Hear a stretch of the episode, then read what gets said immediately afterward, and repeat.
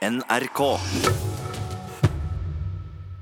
Dermed, her i Kulturnytt i Nyhetsmorgen er Fredagspanelet samlet. Vi ønsker velkommen til nykommer Birk Kjellflot Helle, redaktør av landets største studentavis, Universitas. Hei. God morgen. Audun Molde, førstelektor ved Westerdals Oslo Act og Handelshøyskolen BI, og bokaktuell som forfatter av Pop, en historie, en oversikt over verdens popmusikk. God morgen, god morgen. Og Synne Øverland Knutsen, musiker, redaktør, kulturpersonlighet, redaktør av tidsskriftet Fanfare. God morgen. God morgen. Statoil, som vi hørte, skifter navn og skal bli til Equinor. Er det et godt navn på vårt statlige olje, eller skal vi kanskje si energiselskap? Nei. Nei. Nei. Det var ganske unisont. Hvordan kan dere legge dere ut med den PR-eksperten vi hørte her, som er en av de mest erfarne i bransjen? Jeg skjønner ikke hvorfor Statoil ikke kan være ærlig med oss. Eh, Statoil er et godt navn. Det sier akkurat hva Statoil driver med. Equinor derimot, det, det snakker om eh, likevekt og likeverd. Det har ingenting med utvinning av olje og energi å gjøre. Jeg syns det er et dårlig navn.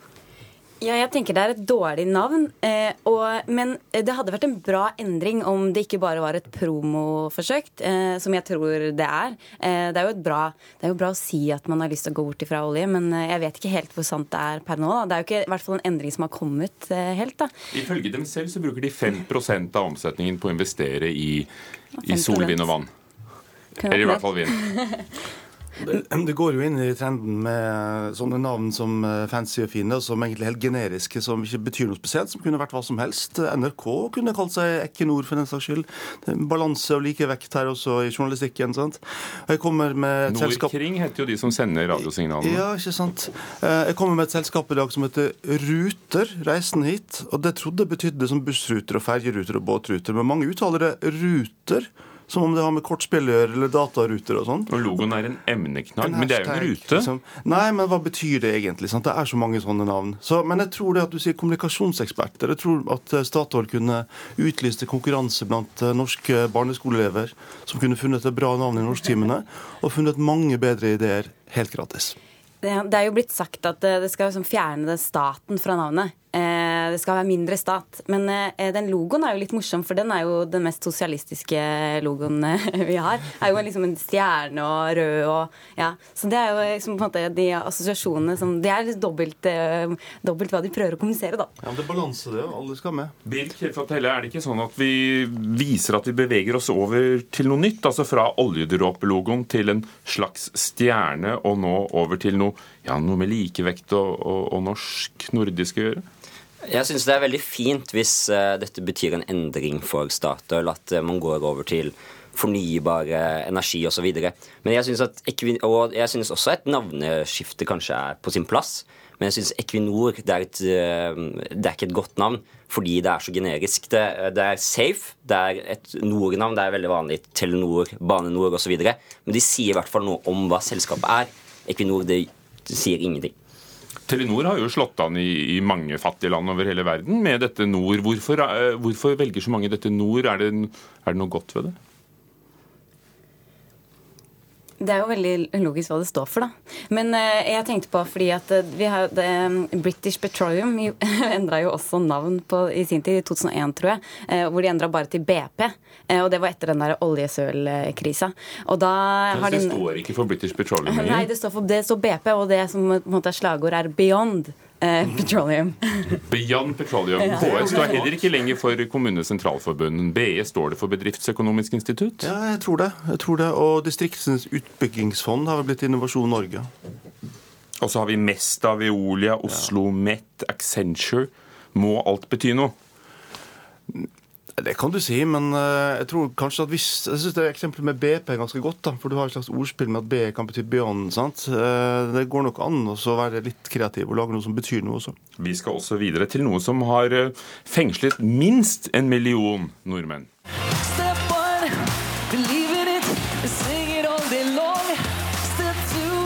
Just roll with it. That's how you write a song.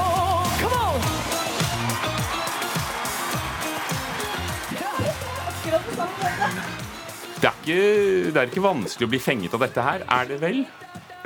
Eh, Alexander Rybak eh, skal representere Norge i den interna internasjonale finalen av Eurovisjonens melodikonkurranse, populært kalt Melodi Grand Prix, slik han gjorde i 2009. Kan Rybak vinne den store finalen i Portugal? Eh, ja, han skal jo delta i den. Nei. Ja. Bør han vinne det? Ja. Nei.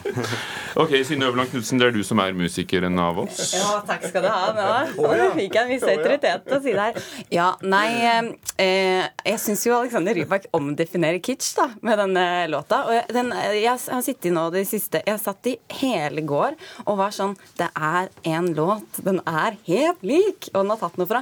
Og så begynte jeg, altså, fikk jeg mange assosiasjoner, og så begynte jeg å lete gjennom katalogen, og sånn, men man finner ikke det. Og jeg tror eh, grunnen til det er at det er bare henta litt her og der fra liksom, eh, mange storhetstider, liksom. Og eh, det er en virkelig Det er, liksom, det er alle mulige ting. Det er sånn eh, Det er den derre bøylemikrofonen, det er det innlagte skattepartiet.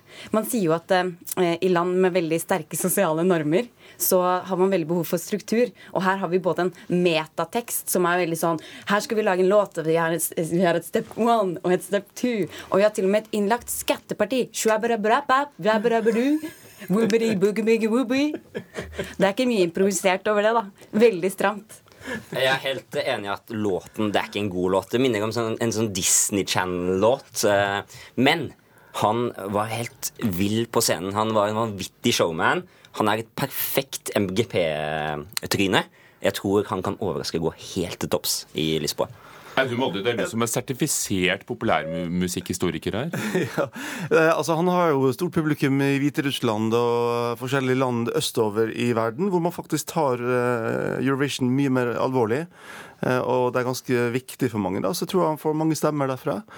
Eh, men uh, sangen er jo morsom. Det er jo som, som du sier, det er jo sånn hybrid. Men that's how you write a song. Sant? Du lager en hybrid av alle sanger som er skrevet før. Jeg syns send Alexander Rybak til Grand Prix hvert eneste år. Og måtte han aldri bli bedre enn nummer to, for da må jo NRK ødelegge budsjettet sitt og legge ned P2 og sånn. Men altså historisk sett så er jo det viktige med Grand Prix sånne konkurranser er jo ikke å vinne, men det er å delta. For de sangene som du husker, er de som har blitt nummer to og tre og sånn. Sånn er det med Grand Prix og Idol. og Mil etter mil og sånn. Ja, for null poeng. Det husker man jo. Eller Congratulations eller Volare fra Italia. Vant ikke de? Nei, det ble nummer tre og to og sånn. Så sånn det. Men jeg har lyst til å bare trekke fram én sang her siden du spør, og det er det slovenske Grand Prix-bidraget fra 2001. Det kunne Statoil merke seg, for det het nemlig Energy. Du skulle si noe, Synne? Eh, nei, jeg, jeg bare lurte om eh, Hvis denne sangen vinner, er det den første metasangen eh, om å skrive en låt som eh, vil vinne Grand Prix? Jeg tror det. Det er kanskje det. Birk, du sier det perfekte Grand Prix-tryne. Du, du, du sa det, Alexander Rybak. Men tenk i fjor, da vant altså eh, en med, med, med langt hår så sang en ballade på sitt eget språk, portugisisk. Eh, er vi på vei bort fra de klassiske Grand Prix-låtene? Jeg tror at eh, fjoråret var et eh, forfriskende unntak. Eh, han hadde en, denne hjerteskjærende historien om en sykdom og en, og en søster. Men jeg tror at det er ikke kvaliteten som står i fokus på Eurovision. Folket, det europeiske folk, vil ha show, og det tror jeg Alexander Rybak kan levere. Nytt tema i Fredagspanelet. Kronprins Haakon har gjestet South by Southwest-festivalen i Austin, Texas, og ble intervjuet av Dagsrevyen. Kronprins Haakon, eh, kommer du til å ta i bruk slik ny teknologi med en gang den kommer? Jeg liker godt å prøve ny teknologi, men akkurat uh, smarttelefonens død tror jeg ligger noen år fram fortsatt. Nå er du her for å bl.a. snakke om oppstartsbedrifter, og du har trukket fram et par norske oppstartsbedrifter. Du er veldig opptatt av dette. Ja, vi trenger jo flere bein å stå på allerede i dag. Og det er Anders Magnus, vår korrespondent, intervjuet um, kronprins Haakon Magnus, Hans Kongelige Høyhet. Er det på tide at vi er dus med Hans Kongelige Høyhet? Ville du vært dus med kronprinsen Synne Øverland Knutsen? Ja. Birk Kjellflot Ja. Helle. Å ja, jeg har alltid vært dus med kronprinsen. Men har du møtt ham? Eh, På McDonald's i Tønsberg for ca. tolv år siden. Men det er en historie vi kan ta en annen gang. Eh, Men det som jeg syns er gøy- med det innslaget her, det er jo at eh, dere i NRK da finner en journalist til å intervjue kronprinsen, som har det til felles med at kronprinsen at han bare har fornavn. Jeg syns det var veldig stilig å se Håkon Magnus intervjuet av Anders Magnus. Eh, ja, nei Ehm, selv om man er for eller imot monarki, så er det jo bare fullstendig arkaisk, eh, disse formene vi omtaler våre høyheter eh, på. Så eh, nei, jeg hadde jo også som journalist, hvis jeg hadde stått der, så hadde jeg også bare hadde jeg henvendt meg med du, fordi det hadde vært naturlig. Eh, det er jo det, de, eh, Å henvende seg og snakke til, snakke til noen på den måten er jo underdanig, er jo sette seg under da, på en måte som vi en, på en måte som vi samfunnet burde ha lagt fra oss. Det er helt uholdbart, rett og slett. Her har det gått en debatt på Facebook internt i NRK, kan jeg røpe. Eh, Anders Magnus sier selv at i Norge er vi alle likeverdige. Han er du som er alle. Men er vi alle likeverdige? Kunne du blitt kronprinsesse? Nei, men eh, jeg synes Det er et absurd spørsmål. Som redaktør i Universitas, eh, vil du sendt ut en reporter og, og bedt eh, ham eller henne være dus? Ja, absolutt. Um, jeg synes uh, Kongehuset i seg selv er jo en veldig gammeldags institusjon, og det er enda mer gammeldags at man skal si Deres Majestet og Deres Kongelige Høyhet. Um, og I tillegg så har uh, kongefamilien har investert veldig mye i å, være folkelige. Og da synes jeg at vi, vi kan liksom ta dem inn i folket og være likemenn.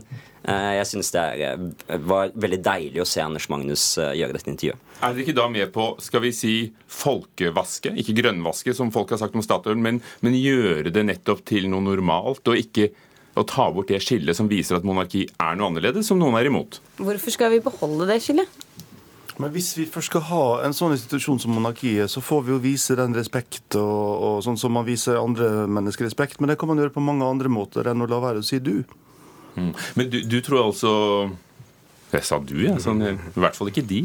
Men, men, men du, Birk, tror altså at, uh, at kongehuset og kronprinsen egentlig fryder seg litt over at, uh, at de blir tiltalt sånn? Absolutt. Når, når han er på denne, på denne kjente festivalen og hører på mye ny uh, hipp musikk, og så skal han komme og få spørsmål om hva, hva synes eh, Deres Kongelige Høyhet om musikken og teknologien her, jeg tror han synes det var veldig fint å bare bli tiltalt med du. Nei, Du, må, du har på deg hettegenser fra South by Southwest. Jeg Du. syns det, jeg synes det er vanskelig å snakke om dette. Jeg er litt sånn bitter for at vi ikke er der nå. Jeg var det for tre år siden. Et fantastisk sted, så jeg håper Hans Kongelige Høyhet har en god dag i Austin, Texas. Ellers så henviser jeg til Språkrådets regler, eh, som sier noe helt annet enn dere, om tiltale av de kongelige.